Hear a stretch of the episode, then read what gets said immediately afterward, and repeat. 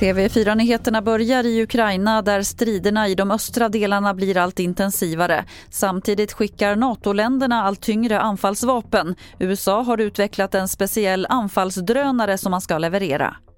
Det är det amerikanska flygvapnet som snabbutvecklat drönarna som ska skickas till Ukraina. Specialdrönare som kallas Ghost och kan användas som engångsvapen. De flyger in i mål och detonerar vid kollisionen. Enligt Ukrainas militär har ryska styrkor erövrat minst 80 procent av östra Ukraina, nu senast 42 byar i Donetskregionen. Samtidigt visar satellitbilder över Mariupol vad man befarar är massgravar. Enligt stadens borgmästare ett försök av Ryssland att dölja den egentliga dödssiffran i Mariupol. Reporter här var Ann-Katrin Hero. Skadorna på Ukrainas infrastruktur beräknas hittills till motsvarande runt 560 miljarder kronor.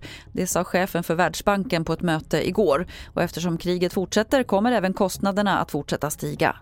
Till sist kan vi berätta att den tyske man som misstänks ligga bakom treåriga Madeleine McCanns försvinnande i Portugal 2007 nu formellt är anklagad för brottet. Anklagelsegraden har stärkts och det skulle kunna innebära att mannen kan åtalas. Men det är bråttom. Preskriptionstiden för mord går ut den 3 maj i år.